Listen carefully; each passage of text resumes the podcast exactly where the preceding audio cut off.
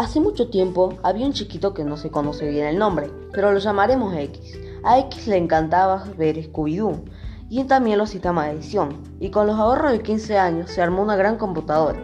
Cabe agregar que los ahorros no eran suyos, eran de sus padres, porque X tenía 8. Un día, viendo Scooby-Doo, hizo mucha gracia una escena, descargó esa escena y empezó a editarla.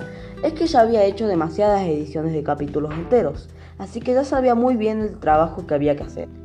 Luego de mucho tiempo, X terminó el trabajo, incluso agregó un diálogo a Shaggy en la escena que tanto le había hecho gracia y lo subió a las redes sociales. El video se llamaba Fue la revivís Scooby.